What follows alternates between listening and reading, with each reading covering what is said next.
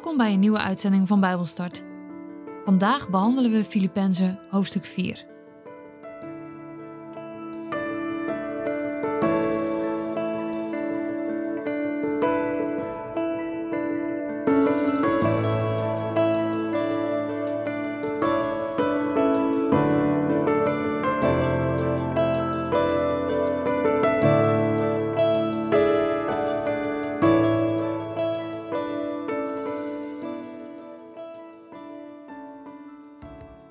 Lees met jullie uit de basisbijbel Filippenzen hoofdstuk 4. Zorg er daarom voor, lieve broeders en zusters, dat jullie één blijven met de Heer. Ik houd van jullie. Ik verlang ernaar jullie weer te zien. Ik ben blij over jullie en trots op jullie. Tegen Euodia en Sintige zeg ik dat ze moeten stoppen met ruzie maken en dat ze één moeten zijn in de Heer. En aan jou, mijn trouwe medewerker, vraag ik om deze twee vrouwen te helpen want zij hebben samen met mij hard gewerkt om het goede nieuws te brengen. Samen met Clemens en mijn andere medewerkers. Hun namen staan allemaal in het boek van het leven. Wees altijd blij in de Heer. Ik zeg het nog een keer. Wees blij. Laat alle mensen zien dat jullie vriendelijk zijn. De Heer is dicht bij jullie. Maak je nergens zorgen over, maar vertel in gebed aan God wat je nodig hebt. Dank Hem ook voor alles dan zal de vrede van God, die wij met geen mogelijkheid kunnen begrijpen, jullie hart en jullie gedachten beschermen in Jezus Christus. En, broeders en zusters, richt je gedachten op alles wat waar, eerlijk, heilig, vriendelijk, mooi en goed is. Doe alles wat jullie van mij geleerd, gezien en gehoord hebben. Dan zal de God van de vrede bij jullie zijn. Ik ben er in de Heer heel erg blij over dat jullie mij nu hebben kunnen helpen. Jullie wilden dat al eerder, maar toen hadden jullie niet de mogelijkheid. Dat zeg ik niet omdat ik ergens tekort aan zou hebben, want ik heb geleerd om altijd genoeg te hebben, wat er ook gebeurde. Ik weet wat armoede is en ik weet wat overvloed is. Ik heb echt alles meegemaakt. Ik heb geleerd wat het is om genoeg te eten te hebben en ik heb geleerd wat het is om honger te hebben. Ik heb geleerd wat overvloed is en ik heb geleerd wat gebrek is. Ik kan alle dingen aan dankzij Christus die mij kracht geeft. Toch was het goed dat jullie mij hebben geholpen toen ik het moeilijk had.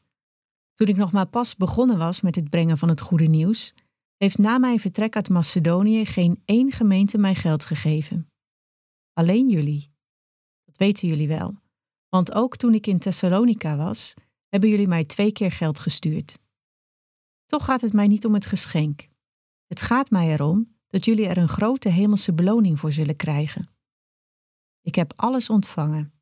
Ik heb meer dan genoeg nu ik van Epaphroditus het geld heb gekregen dat jullie hebben gestuurd. God is erg blij met dat geschenk. Het is als een offer aan Hem. Mijn God zal jullie in alles overvloedig geven wat jullie nodig hebben. Want Hij geeft overvloedig, omdat Hij zelf overvloedig bezit. Hij geeft ons in Jezus Christus van zijn rijkdom. Alle eer is voor onze God en Vader, voor eeuwig. Amen. Zo is het. Doe de groeten aan alle mensen die in Jezus Christus geloven. Jullie krijgen de groeten van de broeders die bij mij zijn. Jullie krijgen ook de groeten van alle gelovigen hier. Vooral van de gelovigen die bij het Hof van de Keizer horen. Ik bid dat de Heer Jezus Christus in alles goed voor jullie zal zijn.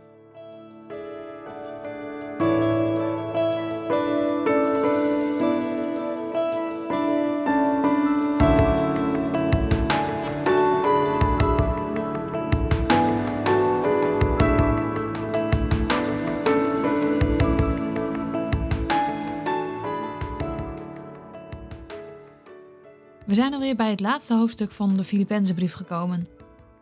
In het eerste vers begint Paulus met: Zorg er daarom voor, enzovoort. De brief die Paulus schreef was zonder hoofdstukken en zonder verzen. Dat is pas later bijgevoegd. En daarom wisselen de hoofdstuktitels per Bijbelvertaling ook vaak. Het woordje daarom laat zien dat het een doorlopend geheel is. Paulus had het in hoofdstuk 3 over de toekomst die voor ons als christenen wacht. En met die toekomst in gedachten vervolgt Paulus dus zijn brief. Opnieuw heeft Paulus het hier over eenheid. De gemeente in Filippi moet de eenheid bewaren. En dan heeft Paulus het over twee vrouwen, Euodia en Syntyche. Deze twee vrouwen hadden veel werk verzet in de gemeente. Veel mensen waren door het werk dat zij in naam van Jezus deden tot geloof gekomen. Hieruit leren we dus dat het mogelijk is om in Jezus te geloven, hard voor het koninkrijk van God te hebben, hard te werken en toch oneenigheid te hebben met andere mensen die eenzelfde taak hebben. Maar dat is nooit een excuus om je niet met een ander te verzoenen. En daarom vraagt Paulus dus ook hulp van zijn trouwe gemeenteleden in Filippi. Deze twee vrouwen moeten stoppen met ruzie maken en ze moeten één zijn in de Heer. Deze vrouwen hebben samen met Paulus hard gewerkt om het goede nieuws te brengen. En dan zegt Paulus: Hun namen staan allemaal in het boek van het leven. Het boek van het leven, daar staan de namen van alle mensen die door hun geloof in Jezus gered zijn. En over dat boek van het leven kun je lezen in Lucas 10, vers 17 tot en met 22. En later in Openbaringen 20 zullen we dat ook nog behandelen. We komen aan bij vers 4. Paulus, die in de gevangenis zit, zegt: Wees altijd blij in de Heer. Ik zeg het nog een keer: wees blij. Laat alle mensen zien dat jullie vriendelijk zijn. De Heer is dicht bij jullie. Het is toch bijzonder dat iemand die in de gevangenis zit een gemeente aanspoort om blij te zijn. Maar hierdoor kunnen we van Paulus leren dat onze innerlijke houding niet hoeft te matchen met onze uiterlijke omstandigheden. Paulus kon blij zijn omdat hij wist dat Jezus in hem leefde, in welke omstandigheden hij ook zat. En Paulus moedigt de Filippenzen dus aan in deze brief om blij te zijn. En dat doet hij niet één keer, maar meerdere keren. Blijdschap is het grote thema van deze hele brief. Waarschijnlijk hadden de Filippenzen deze aansporing nodig.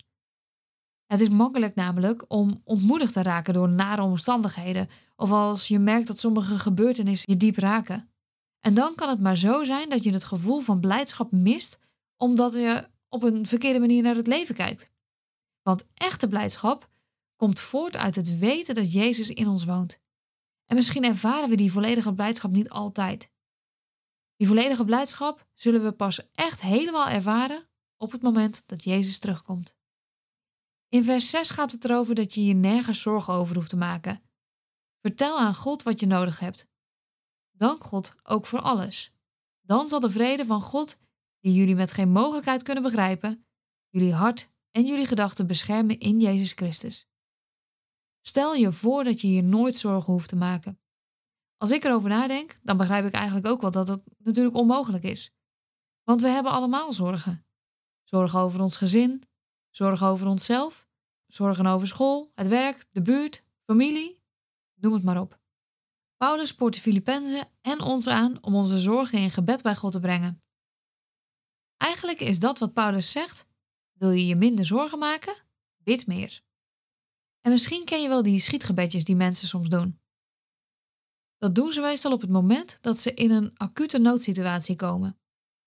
Als ze zich enorm zorgen gaan maken. En misschien herken je dat zelf ook wel. Heb je wel eens een schietgebedje gedaan? Zo'n schietgebedje is namelijk een manier om je te focussen op heel iets anders dan het probleem.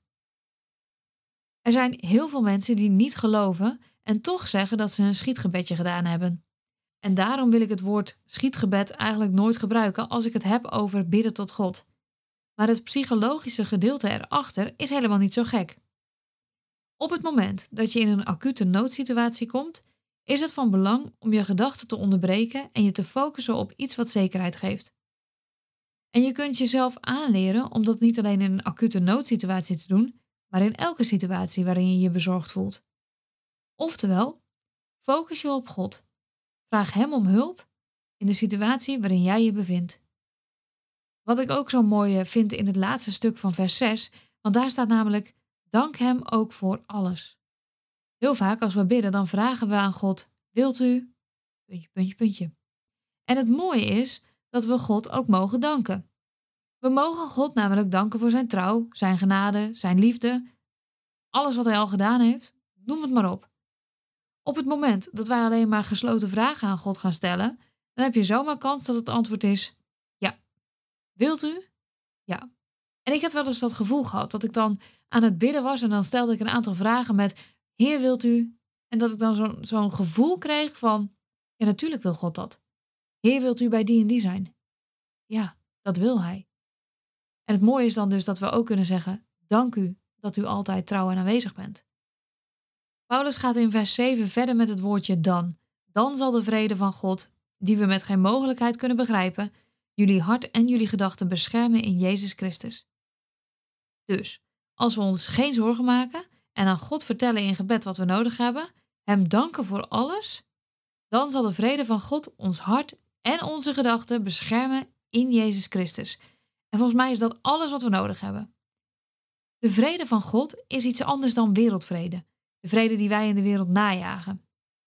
Vrede is namelijk niet de afwezigheid van oorlog. Vrede is ook niet de afwezigheid van een fijn gevoel. En het komt ook niet door alleen maar positief te denken. Echte vrede komt uit het besef dat God alle touwtjes in handen heeft. Richt je gedachten op alles wat waar is, eerlijk is, heilig is, vriendelijk, mooi en goed. Paulus wist heel goed dat je gedachten bepalen wat je zegt en wat je doet. En als wij daarom onze gedachten richten op alles wat waar, goed en heilig is, dan zal dat wat we zeggen en dat wat we doen daarmee in lijn liggen. Misschien merk je het soms ook wel met vlagen dat je het idee hebt dat je je maar moeilijk kunt focussen op de dingen van Gods woord bijvoorbeeld. Ga eens na welke dingen jou afleiden van God. Wat beïnvloedt jouw denken? Wat beïnvloedt jouw gedachten? Waar hou jij je mee bezig als je je verveelt?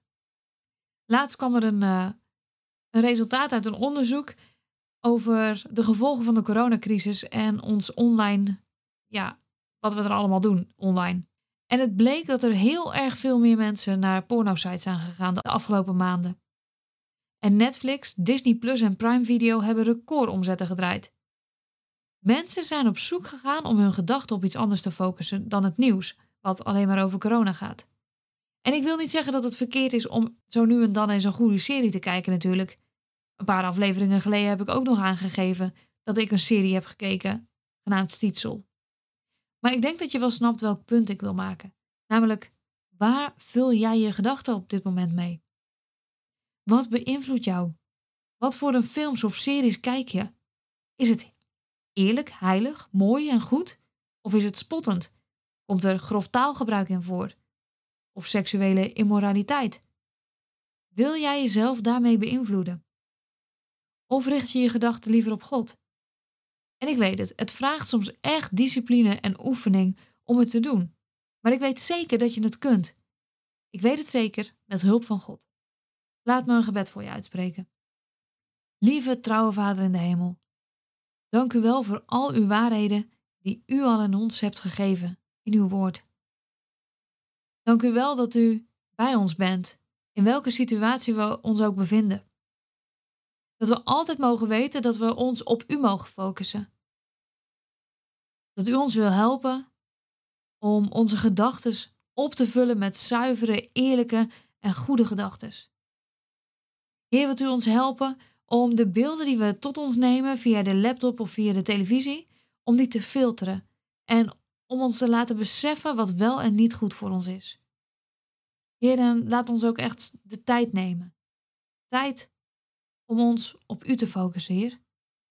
Dank u wel voor uw grote genade, voor uw trouw, elke keer weer opnieuw, Heer. En dank u wel dat u elke dag weer opnieuw uw liefde, uw trouw, uw genade, uw zegen over ons uit wil storten. Heer, en voor elke luisteraar bid ik u dat zij zich mogen aangemoedigd weten in de stappen die ze willen ondernemen. Heer, houd u ze vast. Ik dank u voor uw trouw. Amen.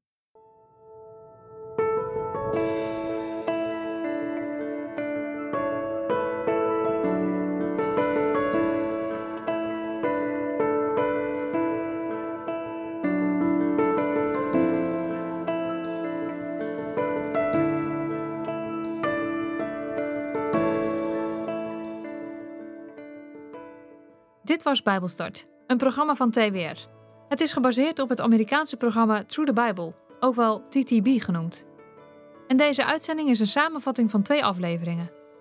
Wil je meer weten? Ga dan naar ttb.org of ga naar twr.nl/bijbelstart.